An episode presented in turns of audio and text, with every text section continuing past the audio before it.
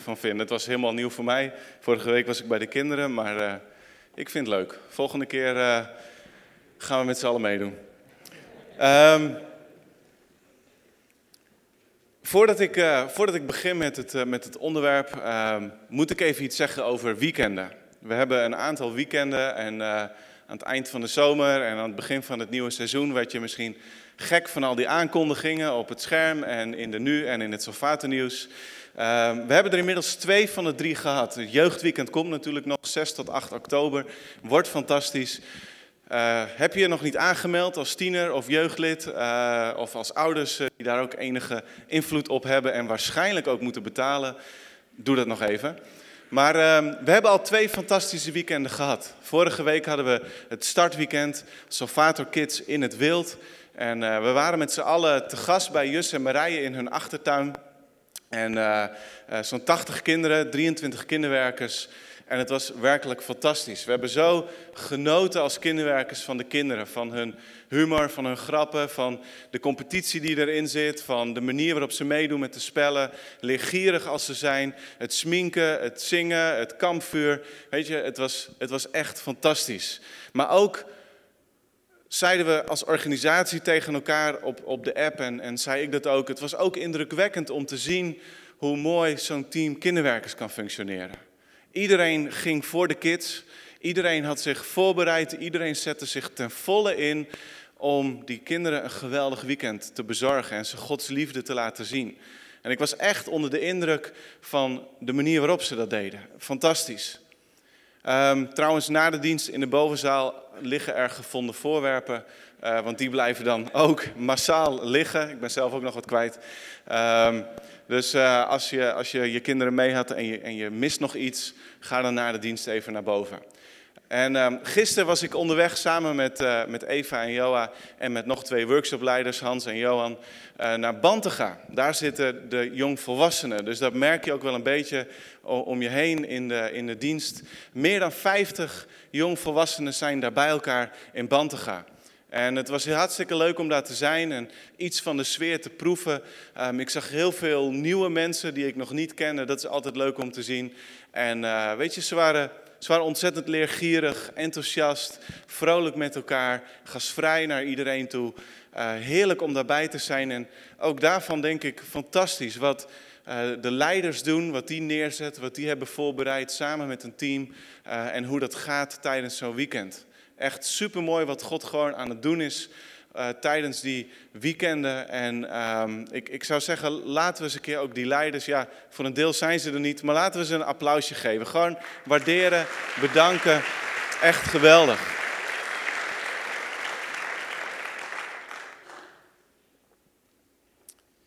Ja, als je het hebt over het verschil maken, dan zijn dat wel momenten om een verschil te maken. En dat is waar we het afgelopen weken over hebben gehad. Wat maakt het verschil? En we hebben gezien dat we dat verschil niet op onszelf kunnen maken. We kunnen het niet alleen doen, maar alleen maar samen. Samen kunnen we het verschil maken. Samen kunnen we ook kansen zien en die benutten. Samen kunnen we de statistieken die iets zeggen over hoe de toestand is van Leeuwarden, van mensen in Leeuwarden en van Friesland. Samen kunnen we die statistieken veranderen. En uh, afgelopen zondag werd daar een hele concrete actie aan verbonden. Een kaartje met een theezakje of een koffiepet eraan.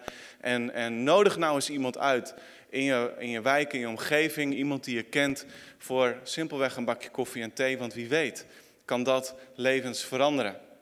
En we hebben een aantal reacties ook gekregen van mensen die daar iets mee hadden gedaan. Ik kreeg een reactie van iemand die uit de dienst naar huis fietste. En die zag een vrouw met haar fiets en een ketting klooien. Dat waren zijn woorden. En uh, ik, ik, weet niet of dat dan heel netjes is of niet, maar goed. Uh, ze was aan het prutsen. En, uh, en hij dacht, nou ja, weet je, dit is natuurlijk een barmhartige Samaritaan uh, moment. Hij uh, stapt af, hij heeft haar geholpen met die fiets en de ketting. En uh, nog zijn zakdoek weggegeven, zodat ze haar handen schoon kon maken van het vet. prachtig. En smiddags nodigde ze de vriend uit van een vriendje van hun zoon. Nee, de vader van een vriendje van hun zoon. En uh, ik wist dat ik dit uh, in de war zou schoppen met zoveel uh, van van. Maar ehm, de vader van een vriendje van hun zoon, die nodigen ze uit. Die, nou, die, die was psychisch niet helemaal in orde, in de war. En die hebben ze uitgenodigd om samen gewoon eens een voetbalwedstrijd te kijken. En uit het contact wat daardoor ontstaat, kunnen ze nu ook meer voor hem gaan betekenen. Ik kreeg ook een, een mailtje van iemand die zei: um, Het theezakje die hing, hing de hele week al aan de afzuigkap. En zondag meteen had ik al een idee wat ik ermee moest doen. Er was een collega op het werk gekomen en uh, zowel ikzelf als alle, heel veel collega's om me heen vinden het niet gemakkelijk om met deze collega's samen te werken. Um, en, um, en ik merkte, zei ze, dat ik ook met mijn collega's ging meepraten. Hoe lastig, hoe irritant die persoon eigenlijk was. En ze zei, het was tijd voor verandering. Tijd voor een bakje koffie. Dus ze heeft een bakje koffie met hem gedronken op het werk. Ze heeft gehoord wat zijn verhaal is, zijn thuissituatie, hoe hij bij de hogeschool terecht is gekomen, uh, wat hij daar heeft meegemaakt. En ze zei, ik kon ook meer over mij vertellen, onder andere over hoe mijn tijd met um, Youth for Christ in Zuid-Afrika mij heeft veranderd. En... Um, Weet je, het is niet meteen allemaal koek en ei, maar het heeft wel een verandering in gang gezet. Smiddags kreeg ik een werkgerelateerd mailtje, maar de toon van die mail was anders dan het tot dan toe was geweest. En dat allemaal simpelweg door een bakje koffie. Dus ze zei bedankt voor die koffiepet. En er was nog iemand die zei, ik, ik wist die zondagmiddag na de dienst meteen wat ik ermee moest doen. God die maakte me duidelijk dat ik allereerst mijn excuses moest aanbieden aan een voormalig cliënt. Het was niet zo dat er heel veel slechte dingen waren gebeurd, maar de relatie was niet goed geëindigd. En, uh, en ik kwam eerst nog in opstand tegen God van ja, moet ik dat wel doen? Wat heb ik eigenlijk verkeerd gedaan? Maar God maakte duidelijk wat ze daarin zelf ook, daar waarin ze tekort was geschoten en niet genoeg op God had vertrouwd. Dus ze gehoorzaamde aan God, ze nam contact op, uh, ze heeft uh, gemaild omdat ze geen telefoonnummer meer had en ze heeft nog niet een reactie maar ze heeft wel neergelegd bij hem. Ik wil, zou heel graag met je willen praten, mijn excuses aanbieden. En, um, dus daar was de eerste contact. En dan ook nog met iemand anders, een pleegzusje, waar ze al bijna een jaar, meer dan een jaar geen contact mee had gehad. En, en wat ik wel heel mooi vond, was dat ze zei: Het gehoorzaam zijn aan God maakt me blij. En heeft misschien ogenschijnlijk op dit moment niets veranderd, maar in mij wel degelijk. Elke stap in gehoorzaamheid doet me groeien en verheugt God en verheugt mezelf. Ik denk, wauw, dat, dat is discipelschap. Discipelschap kun je op heel veel verschillende manieren beschrijven. Maar een van de manieren die mij de laatste tijd aanspreekt is, discipelschap is simpelweg, wat is jouw volgende stap van gehoorzaamheid? En dat is voor iedereen anders, maar dat is de vraag waarmee iedereen verder kan komen. En dat is waarvoor we preken om er iets mee te doen, om het toe te passen, om, om met elkaar te concluderen, weet je wat, uiteindelijk is niet mijn comfort het belangrijkste, maar mijn karakter. En dat betekent uitstappen, dat betekent soms iets moeilijks doen, maar zoals deze persoon schreef, het verheugt God en het verheugt ook onszelf. Als we die stap in gehoorzaamheid zetten. Fantastisch. Oké, dan moet ik nog beginnen met het onderwerp van vandaag. En uh, dat is uh, de laatste 10%. Lekker cryptisch, niemand weet waar het over gaat. Misschien heb je deze week de nu gelezen of op Instagram en Facebook gezien. En dan heb je gezien dat het iets met feedback te maken heeft. En dan nog, ja, wat betekent dan die, die laatste 10%? Wat heeft dat nou te maken met feedback? En ik kan dat het beste uitleggen aan de hand van een verhaal.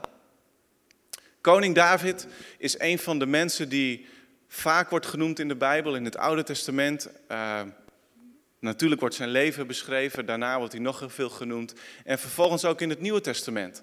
Het is een van de mensen met wie, ja, over wie met het meeste respect wordt gesproken. Koning David, fantastisch.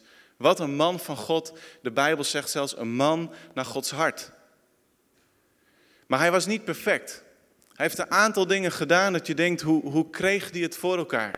Een van die dingen is, hij was niet meegegaan met zijn leger om te strijden. Hij keek uit het raam en hij zag een vrouw baden op het dak. Hij dacht, dat is een mooie vrouw. En hij liet haar bij zich komen, hij sliep met haar en ze werd zwanger. Tot haar schrik, tot zijn schrik. Ze was getrouwd. Ze had een man die in het leger vocht. En David bedacht een plannetje. Hij regelde het zo dat hij op een plek kwam te vechten onder een stadsmuur. Het kon niet anders of hij zou omkomen. En hij kwam om. Deze militair die stierf. En na de gebruikelijke periode van rouw, we zien in de Bijbel soms zeven dagen, we zien soms dertig dagen. Maar na die periode van rouw, dan neemt David haar tot vrouw. Hij trouwt haar en ze komt bij hem te wonen in huis. En dan staat er in 2 Samuel 11, aan het eind van het hoofdstuk, dat dit hele verkeerde gebeurt, er staat het volgende, leest u mee. Naar het oordeel van de Heer was het wel degelijk slecht wat David had gedaan. En daarom doet God iets. God stuurde de profeet Nathan naar David toe om hem het volgende te vertellen. Er woonden eens twee mannen in dezelfde stad, een rijke en een arme. De rijke man had heel veel geiten, schapen en runderen. De arme man had niet meer dan één lammetje kunnen kopen. Hij koesterde het en het groeide bij hem op samen met zijn kinderen. Het at van zijn brood en dronk uit zijn beker en sliep in zijn schoot. Hij had het lief als een dochter. Op zekere dag kreeg de rijke man een gast op bezoek. Hij kon het niet over zijn hart verkrijgen om de reiziger een van zijn eigen geiten, schapen of runderen voor te zetten. Daarom nam hij het lammetje van de arme man en zette dat voor zijn gast. David ontstak in woede over die rijke man en zei tegen Nathan: Zo waar de Heer leeft, de man die zoiets doet, verdient de dood. Viervoudig moet hij het lam vergoeden, omdat hij zich zo harteloos heeft gedragen. En weet je, Nathan had het hierbij kunnen laten. Hij had niet een gemakkelijke opdracht. Hij moest de koning aanspreken op iets verkeerds. En die koning, ja, dat was de machtigste man van het land. Dus ga er maar aan staan. Maar hij raapt al zijn moed bij elkaar, hij gehoorzaamt God, hij gaat naar hem toe en hij vertelt dit verhaal. En David reageert heel erg goed. En Nathan had kunnen denken, nou weet je, volgens mij heb ik mijn punt gemaakt. Volgens mij begrijpt David dat je, dat je soms je macht misbruikt als een rijke. En uh, ik, ik denk dat hij wel voldoende heeft geleerd. Weet je wat, David, uh, doe ermee wat je wilt, ik ga nu weg.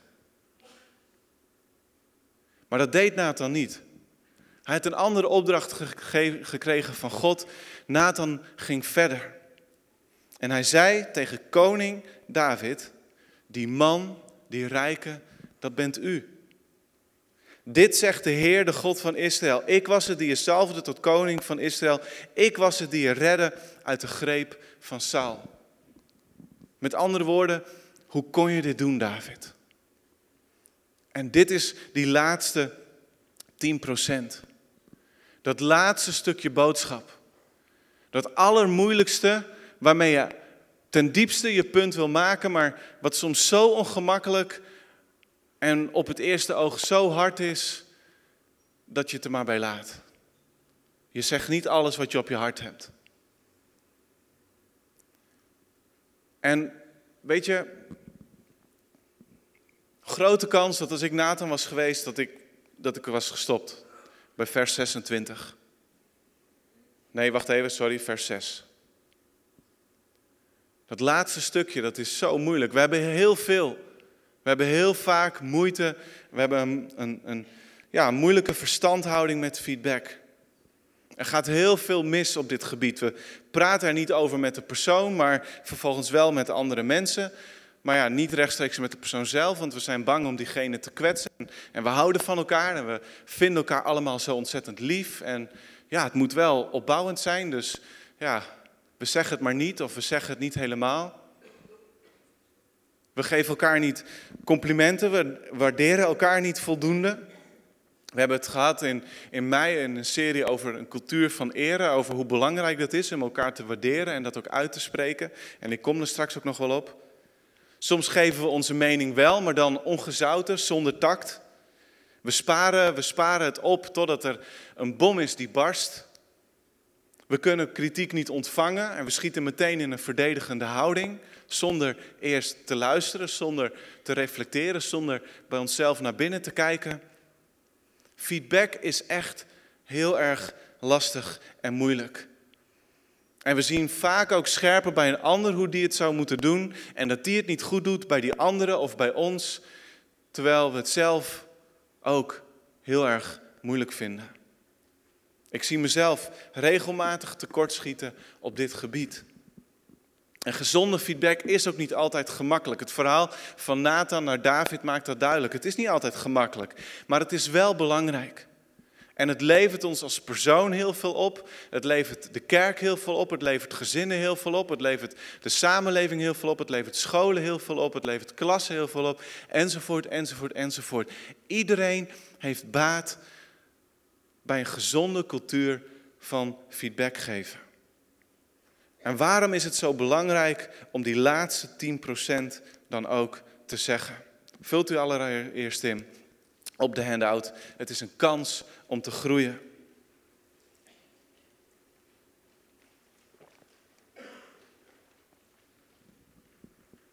Het is een kans om te groeien. Weet je, als we elkaar niet feedback geven, als we elkaar niet opbouwend kritiek kunnen geven, dan missen we ontzettend veel in ons leven. Dan mis je ontzettend veel groei en ontwikkeling in je leven. Als ik, als ik terugdenk aan mijn, aan mijn opleiding bijvoorbeeld in Ede, twaalf jaar geleden ongeveer afgesloten.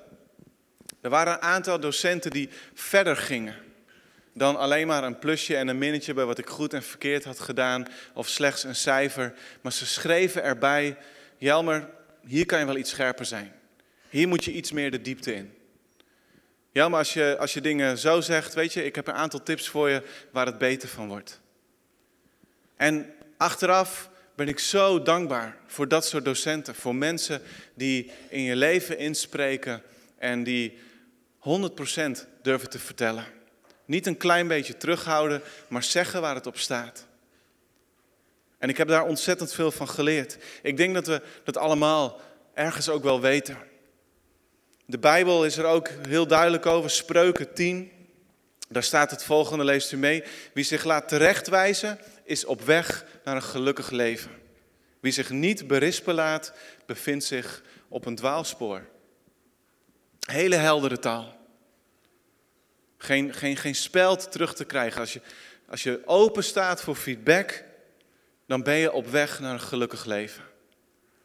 Als je jezelf dat onthoudt, als je steeds in de verdediging schiet, als je het niet wil horen of als je er niets mee doet, maar ook wanneer we zelf 70, 80, 90 procent zeggen, maar die laatste 10 procent niet, we ontnemen onszelf en anderen de kans op een gelukkig leven. Op een goed leven. Op groei naar volwassenheid. Op groei naar, naar een mooi karakter wat, wat gescherpt wordt, wat steeds weer geslepen wordt. En er staat in Spreuken 27, vers 5 en 6, het staat niet op de handout, maar daar staat beter dat je openlijk terechtgewezen wordt, dan dat je uit liefde wordt gespaard. Beter dat je openlijk terechtgewezen wordt, dan, de, dan dat je uit liefde wordt gespaard. Spreuken 27, vers 5. In vers 6 staat: Het verwijt van een vriend is oprecht, de kus van een vijand al te hartelijk. Gaat best wel, gaat best wel ver. Het verwijt van een vriend is oprecht. Misschien is het belangrijkste woord nog wel vriend.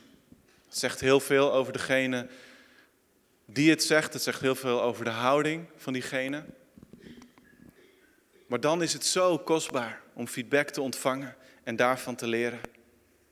Paulus die schrijft een aantal brieven aan de Corinthiërs. Theologen en geschiedschrijvers die denken een stuk of vier. We hebben niet alle brieven teruggevonden. Maar we hebben er wel twee in de Bijbel staan. De eerste brief, prachtig, maar ook heel scherp.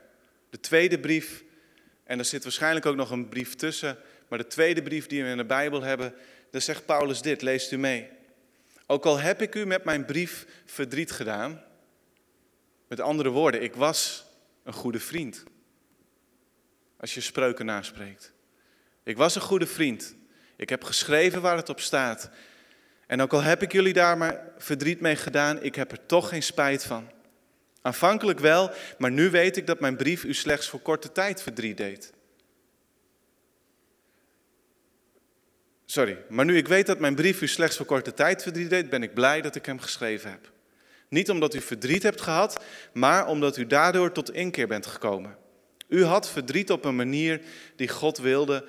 Ik heb u dus in geen enkel opzicht geschaad. Soms mag je even verdrietig worden van feedback. Soms moet het je even raken. Soms heel erg diep.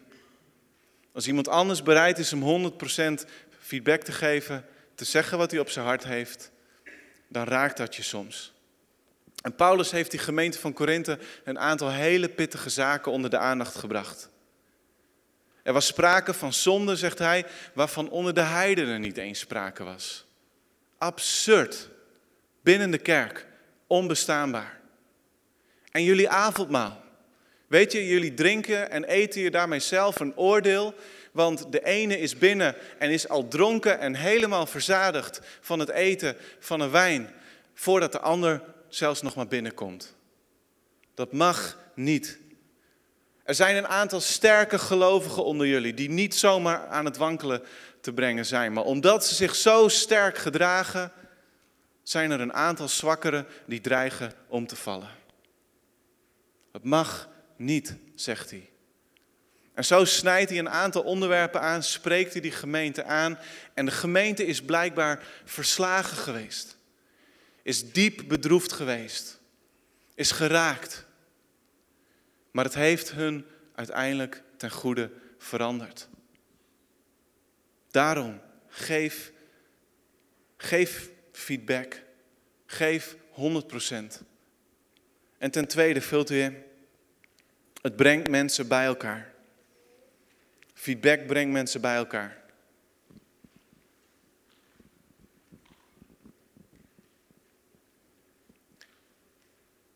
En daarmee bedoel ik dit. Feedback is vaak zo lastig dat, zoals ik al zei, we het moeilijk vinden om het te zeggen tegen de persoon over wie die feedback gaat. Dus wat we doen, is we praten er met andere mensen over. hey, voel jij dat ook? Zie jij dat ook? Ervaar jij dat ook zo? Ja, soms wel. Ja, verschrikkelijk hè? En, en je praat er met elkaar over en dat kringetje wordt één, twee, vijf mensen. En je bent het allemaal met elkaar over eens dat er iets helemaal niet goed gaat. Roddels gaan de ronde doen. Want nummer vijf, die weet eigenlijk niet meer precies waar het over gaat. Dus die vult ook nog wel wat in wat helemaal niet aan de hand is. En zo gaan er roddels door een groep mensen in gezinnen, in families, in kerken, in verenigingen. Mensen worden in een verkeerd daglicht gesteld. De roddels worden steeds meer aangedikt. En daardoor neemt het vertrouwen af in een persoon die nog niet de kans heeft gehad om iets te leren, om te groeien. Maar allemaal verhalen doen de ronde. Wantrouwen groeit in plaats van vertrouwen. En daarom zeg ik, feedback, hoe pittig soms ook, die 100% te geven, uiteindelijk brengt het mensen bij elkaar. Het gaat roddel, het gaat achterklap tegen. Er staat in Spreuken 16, vers 28, leest u mee. Een vals karakter zaait voortdurend tweedracht. Een lasteraar drijft vrienden uit elkaar. Dat is de kracht van wat ik schetste, van roddel, van onderling gepraat. Het drijft vrienden uit elkaar. Ik heb het gezien in familie van mij, in de gemeente, in vriendengroepen. Als dit gebeurt, dan gaan de mooiste en waarvan je dagdiepste relaties gaan kapot. Verschrikkelijk. Roddel. Er is nog een manier waarop feedback mensen bij elkaar brengt, of eigenlijk het gebrek eraan mensen uit elkaar drijft. Nog een negatief voorbeeld. In 2 Samuel 13, vers 21 lezen we weer over koning David. En er staat toen koning David hoorde wat er gebeurd was. Wat is er gebeurd? David had veel zonen, dochters. En één zoon, Amnon, die werd verliefd op zijn halfzus Tamar. Hij vond haar zo mooi, hij vond haar zo prachtig. En ook hij regelde de dingen op zo'n manier dat hij alleen met haar in een kamer kwam en hij verkrachtte haar. Hij misbruikte haar. Ongelooflijk. En Absalom, die enorm veel hield van Tamar, zijn zus, die nam haar in huis om haar te beschermen voor schande, maar ze kwam ook niet meer naar buiten. Haar leven was kapot, haar leven was verwoest. En op dat moment komt dan dit. Toen koning David ervan hoorde, toen werd hij woedend. En terecht. Ik zou, nou ja, ik zou heel boos worden. En wat doet hij? Hoe gaat het verder in deze familie? Absalom sprak er niet met Amnon over. Er viel tussen hen geen onvertogen woord, maar hij haatte hem omdat hij zijn zuster Tamar had onteerd.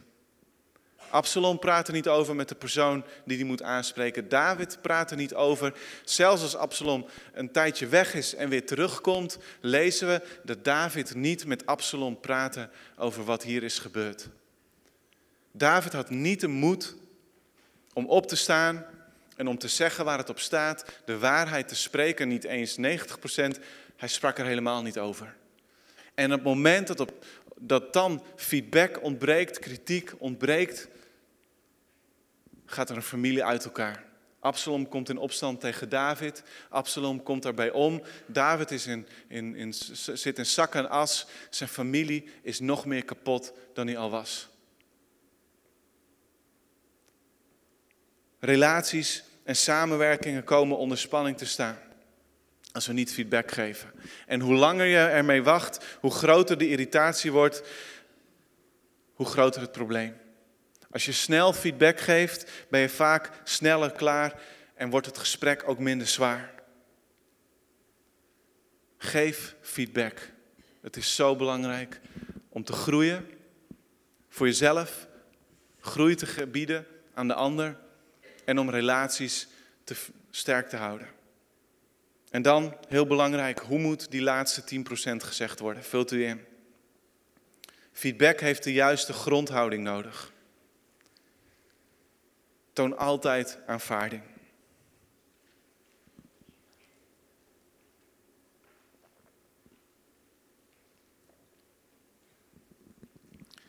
Weet je, de, we spreken er vaak over, over de verhouding tussen liefde en waarheid.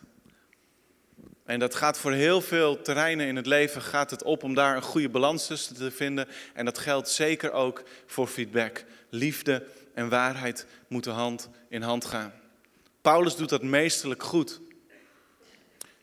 Als je kijkt naar zijn brieven, hoe die zijn opgebouwd, dan begint hij altijd eerst om een gemeente te prijzen. Om tegen te zeggen, weet je, in, in God zijn jullie geweldig. In Jezus zijn jullie gered. Alle, alle hemelse schatten die, die verborgen waren, die zijn jullie ter beschikking gesteld. Jullie zijn gezegend met alle zegeningen vanuit de hemel. Met redding, met, met jullie, jullie zijn kinderen van God geworden. De Heilige Geest woont in jullie. Jullie hebben kracht, jullie mogen schitteren, jullie mogen schijnen. Jullie zijn een licht onder, onder de generaties. Geweldig. Wat heeft God iets moois in jullie gedaan? Hoe heeft Hij jullie leven veranderd? En dat is niet leeg, dat is niet om dan maar daarna iets moeilijks te kunnen zeggen, dat meent hij. Maar daarna zegt hij soms wel iets moeilijks. Vaak in het middenstuk snijdt hij een aantal onderwerpen aan en dan is hij stevig. Hij draait er niet omheen. Hij zegt over een aantal situaties, zoals ik net ook zei, het mag niet bestaan onder jullie. Weet je, het is verschrikkelijk. Jullie moeten elkaar erop aanspreken, ik spreek jullie erop aan. Jullie moeten elkaar bestraffen, jullie moeten elkaar terechtwijzen. En hij eindigt weer met dankzegging. Hij eindigt vaak met een zegen. Want hij gunt de gemeente het aller, allerbeste van God. En op die manier weten we, wanneer hij feedback geeft, dat het vanuit aanvaarding is. Gods aanvaarding naar mensen, zijn aanvaarding van de mensen in de gemeentes. Er staat in de twee eh, tweede brief aan de Corinthiërs. Het staat op uw handout. Alleen ik kwam er net achter dat ik het verkeerde hoofdstuk heb neergezet. Alleen ik kon niet zo snel vinden uh, wat wel het goede hoofdstuk is. Maar volgens mij, het is niet 2 Corinthiërs 5. Prachtig hoofdstuk trouwens. Dus ik stel voor dat jullie uh, gewoon thuis eens even die hele tweede Korinthebrief lezen. En dan kom je vanzelf deze tekst tegen. Um, maar er staat daar, wij zeggen u dit alles ronduit Corinthiërs, want wij hebben u in ons hart gesloten. Ik zeg alles wat ik op mijn hart heb, want ik hou van jullie. Niet wij schieten in onze genegenheid voor u tekort, maar u in uw genegenheid voor ons. Nu dan, ik vraag u, alsof u mijn eigen kinderen bent, sluit op uw beurt ons in uw hart. Dit is misschien wel een van de basisteksten voor feedback. Sluit elkaar in je hart. Als dat zo is, als er die liefde voor elkaar is, als we die liefde aan elkaar tonen, als er een, een cultuur is om dat woord maar weer te gebruiken van eer, waarin, weet je, het zo normaal is dat, dat tijdens de week en rond de diensten en op de connectgroepen en als we iets voorbereiden met onze teams, dat het normaal is om elkaar te eren, om elkaar te waarderen, om complimenten te geven. Als dat aanwezig is, zonder dat, dat je daar kunst, een beetje kunstmatig op in hoeft te zetten van nou, nu moet ik iets moeilijks zeggen en op dit moment kom ik eerst maar met een compliment, want dan kan ik misschien iets moeilijks zeggen. Dat, dat werkt niet. Als er een cultuur is van dat respect en van die liefde, als we weten van elkaar, ik zit in jouw hart en jij zit in mijn hart. We zijn, we zijn broeders, we zijn vrienden, we zijn zussen van elkaar, we houden van elkaar. Dat is de basis en dat weet je. Dat heb je gezien toen, toen ik voor je door het vuur ging in die situatie. Dat heb je gezien toen ik die taak even van je overnam. Dat heb je gezien toen ik midden in de nacht naar je toe kwam rijden omdat je hulp nodig had. Er is aanvaarding. Er is liefde. En als op dat moment iemand zegt: Hé hey joh, ik, ik zie een bepaald gedrag bij jou en ik zie wat voor emoties dat bij mij oproept en ik zie wat voor effect dat op mij heeft. Ik zie ook wat voor effect dat heeft op andere mensen. Daar wil ik het eens met je over hebben dan, dan geloof ik dat je 99 van de 100 keer dat kunt accepteren. Ik ervaar dat zelf bijvoorbeeld met, met Nicola. Ik, ik, ontvang regelmatig opbouwende feedback van Nicola. Hij ziet iets wat ik niet goed heb gedaan. Hij ziet iets waarin ik soms laks ben geweest. Of waar ik uitstelgedrag vertoon. Of, of wat dan, dan ook maar is. Maar er zijn zoveel momenten dat hij zijn waardering toont, dat hij mij bedankt, dat zijn huis open voor mij is, dat ik de beste koffie krijg, dat hij met een broodje van eh, Paris komt. Dat er is zo'n basis van aanvaarding en liefde. Dat als hij iets tegen mij zegt dat ik niet goed heb gedaan, ik kan zeggen, hé, hey, dankjewel. Dat is iets wat ik misschien zelf al zag, maar wat me niet zo goed lukt, kun je me daarbij helpen? Of Dankjewel, dat is een openbaring. Ik, ik wist niet dat ik dat niet kon of dat ik dat niet goed deed, maar ik wil er wel in leren. Ik wil erin groeien. En het komt allemaal voort uit, uit die basis van aanvaarding. Ten tweede, hoe geef je feedback op de juiste manier? Feedback heeft altijd de juiste zelfkennis nodig. Kijk eerst naar jezelf. Kijk eerst naar jezelf. En ik moet heel eerlijk zijn, dit principe maakt mij soms ook wel te voorzichtig. Soms zie ik een kinderwerker bezig in het laatste uur, drie kwartier voor een dienst. En, en dan denk ik, je hebt je niet goed voorbereid. Je hebt, je, thuis, je hebt niet thuis voldoende gedaan voor deze dienst. En dat gaat tegen de afspraken in. Sterker nog, een drietal jaar geleden stelden we vast als kinderwerkers, er zijn een aantal zaken die nodig zijn als wij onze droom kinderdiensten iedere zondag willen zien. En een van de dingen daarvoor is een goede voorbereiding. Thuis, je bent op tijd, je bereidt je voor met je team en dat heb je niet gedaan. En dan denk ik, oh ja, maar hé, hey, een maand terug had ik een hele drukke week en ik was een beetje moe. En, en toen heb ik mezelf ook nou, minder voorbereid dan ik graag zou willen. Hmm, wie ben ik om er wat van te zeggen? En, en ik, ik slik de, wat ik zie, zie, slik ik in. Ik, ik, ik zeg er niks van. En ik denk dat het goed is om voorzichtig te zijn. Dat is het punt wat ik hier wil maken. En wat ik net beschrijf, je kent jezelf, je weet waar je zelf tekortschiet. Dat geeft je empathisch vermogen en dat is belangrijk. Om je in te leven in, hey, hoe kan het dat iemand tot die fout, tot die zonde is gekomen, tot die tekortkoming?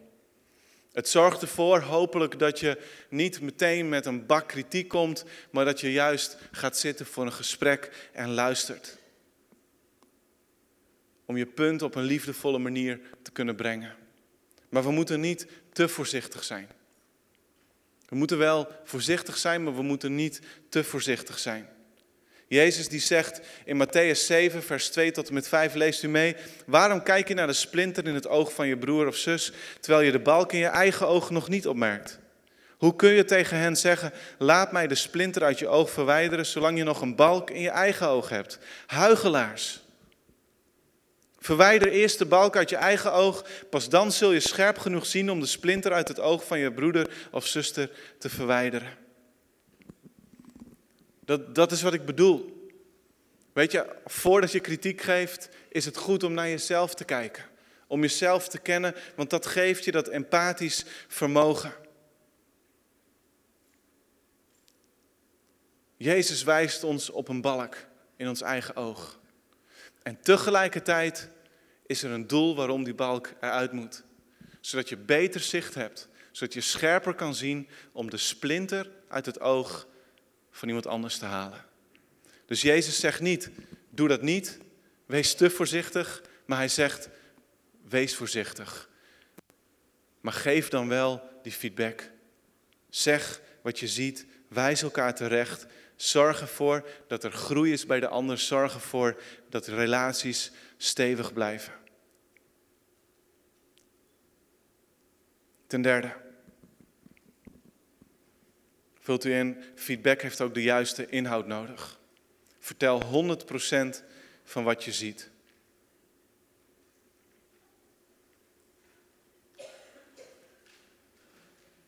Vertel de waarheid. In liefde, maar vertel de waarheid. En het is belangrijk om na te denken, om heel goed na te denken over wat je ziet. Want wat we zien heeft heel vaak te maken met de bril die wij op hebben. Wat we zien wordt beïnvloed door allerlei zaken in onszelf.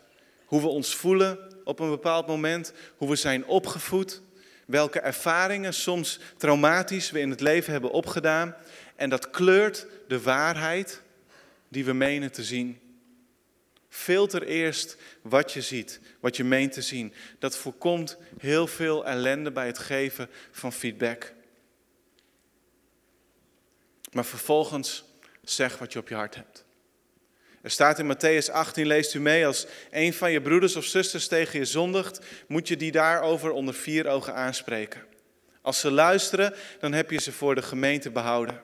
Luisteren ze niet, neem dan één of twee anderen mee, zodat de zaak zijn beslag krijgt, dankzij de verklaring van tenminste twee getuigen. Als ze naar hen niet luisteren, leg het dan voor aan de gemeente. Weigeren ze ook naar de gemeente te luisteren, behandel hen dan zoals je een heide of tollenaar behandelt.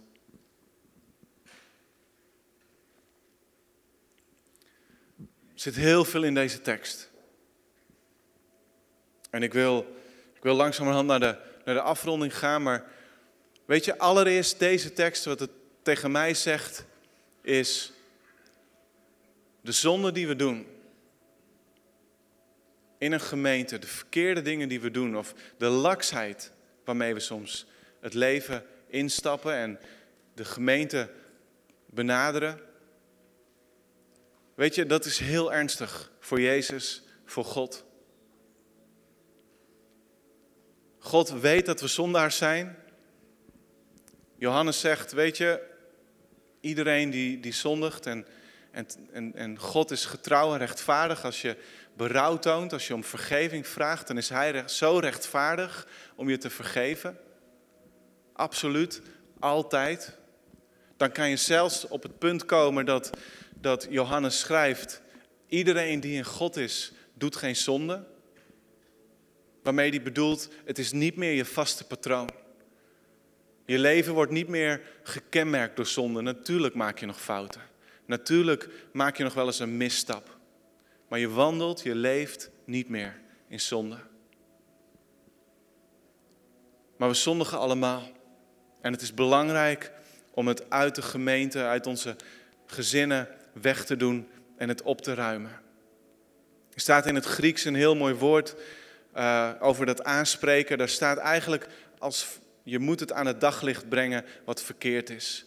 Je moet aantonen wat zonde is. Geeft ook meteen aan, je kan niet zomaar wat zeggen. Je moet erover nadenken, maar dan moet je aantonen, ook bij andere mensen, joh, dat gaat echt fout. En dit moet uit de weg.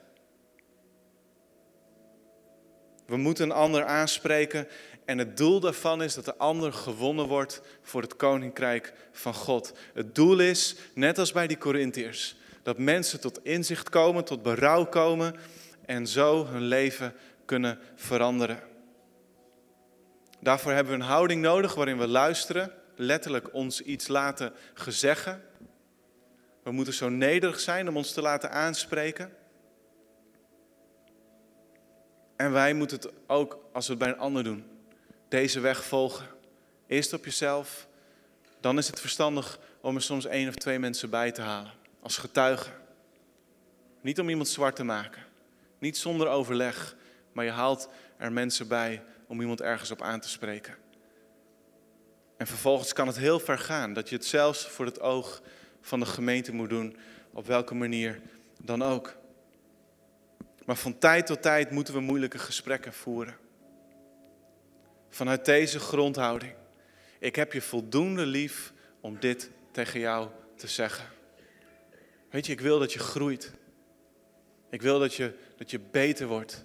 Ik wil dat je een betere echtgenoot wordt. Ik wil dat je een betere vader of moeder wordt. Ik wil dat je een betere broer of zus bent. Ik wil dat je een betere jeugdwerker of muzikant of wat dan ook maar wordt. Ik wil, ik wil dat je groeit. Ik wil dat, dat je karakter wordt gevormd. Ik wil, ik wil dit tegen je zeggen. Inclusief die laatste moeilijke 10%. Want met die laatste 10% niet te zeggen, onthouden we soms mensen een stukje levensverandering. Die laatste 10% in het verhaal van David maakt een enorm verschil. Jij bent die man. En David breekt. Hij breekt, hij, hij gaat vasten, hij gaat rouwen, hij trekt zich terug. En er zijn consequenties. De baby van Batseba overlijdt. En hij rouwt over die baby. Maar dan doet hij zijn koningskleed weer aan. Dan staat hij op. En mogen we hem herinneren als een man waarvan Lucas schrijft in handeling, hij heeft Gods doel in zijn tijd heeft hij vervuld. Gods doel voor zijn leven heeft hij behaald. En wij mogen Gods doel voor ons leven in onze tijd behalen en waarmaken. Liefde en waarheid in balans maakt een verschil. Thuis, in onze straat, in onze kerk, in deze wereld. En als je het hebt over liefde en waarheid, onthoud dan dit. We moeten de waarheid zeggen voor 100%. Maar doe dat met absurd veel liefde. Want dat is wat Jezus bij ons doet. Hij ontmoet een vrouw op een gegeven moment, een Samaritaanse vrouw bij een bron. Hij gaat met haar in gesprek. Hij legt haar wat dingen uit over het koninkrijk van God. En dan zegt hij tegen haar, terwijl hij al weet dat, dat ze die niet heeft, hij zegt tegen haar: Ga je man halen uit het dorp. En ze zegt: Ik heb geen man. En Jezus zegt: Ja, dat weet ik. Je bent bezig met nummer 8. En je neemt niet eens meer de moeite om ermee te trouwen. Je, je leeft met, met, met mannen samen alsof het niks is. En weet je, als Jezus' grondhouding anders was geweest, dan was die vrouw naar haar dorp teruggegaan en had gezegd: Moet je nou eens horen, ga niet naar de bron, want daar zit me toch een vervelende kerel. Ongelooflijk, wat een puntje, puntje, puntje. Niet normaal. Niks, daar wil je niks mee te maken hebben. Maar dat zegt ze niet. Ze gaat naar haar dorp, ze is geconfronteerd met het moeilijkste uit haar leven. Ze weet dat ze fout zit. En ze gaat naar haar dorp en ze zegt: De Messias is daar. Wat een kerel, hij komt om ons te redden. Hij komt om mij te redden. Jullie moeten meekomen naar de bron en Jezus ontmoeten. En het hele dorp gaat en Jezus die zegt dan over die Samaritanen, heel revolutionair, hij zegt, de oogst is rijp. zijn er arbeiders om die oogst binnen te halen. Jezus heeft absurd veel liefde en genade voor ons. En van daaruit vertelt hij de waarheid. Laten we daarmee onze, onze omgeving veranderen. In onszelf groeien, andere mensen helpen om te groeien door de laatste 10% aan elkaar te geven in liefde. Ik wil met jullie bidden. Lief Vader in de hemel, dank u wel. Heer, dat u ontzettend veel van ons houdt. Heer, dat u, dat u ons accepteert, dat u ons aanvaardt. Heer, er is niemand hier in deze zaal, op deze wereld, die u niet aanvaardt en accepteert en lief hebt. Heer, wat we ook hebben gedaan, hoe ons verleden er ook uitziet, u houdt van ons. En Heer, ik bid dat we diezelfde houding naar de mensen om ons heen mogen aannemen. Ik bid dat dat onze grondhouding zal zijn als we feedback aan elkaar geven. Een ongelofelijke aanvaarding.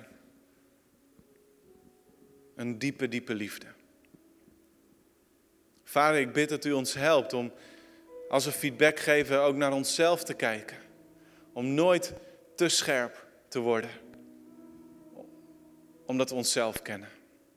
En niemand van ons is volmaakt. Niemand is perfect. En ik bid dat we dat ook niet van een ander zullen verwachten. En vader, ik bid vanuit die houding en met die zelfkennis, Heer, dat we bereid zijn om de volle 100% aan feedback aan elkaar te geven. Heer, ik bid dat, dat deze gemeente erdoor gezegend zal worden.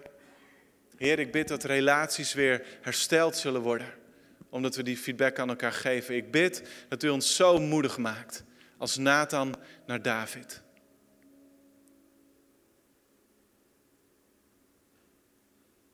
Vader, ik bid dat we het verschil zullen maken. Niet alleen, maar samen. Ik bid dat we ook met z'n allen kansen mogen zien. Kansen mogen herkennen en benutten om uw koninkrijk te bouwen in Leeuwarden en in Friesland. Heer, ik bid dat we de statistieken zullen veranderen. Heer, er is zoveel ellende en eenzaamheid en geweld alleen al hier. Zo vlakbij. Een paar stappen van deze kerk verwijderd. Een paar stappen van onze eigen voordeur verwijderd. En ik bid, vader, dat we gewapend met een theezakje, gewapend met een koffiepet, maar nog veel belangrijker, vervuld met uw liefde en gevuld met uw woorden, dat we die statistieken veranderen. Vader, ik bid dat we verschil zullen maken. In Jezus' naam, tot uw eer. Amen.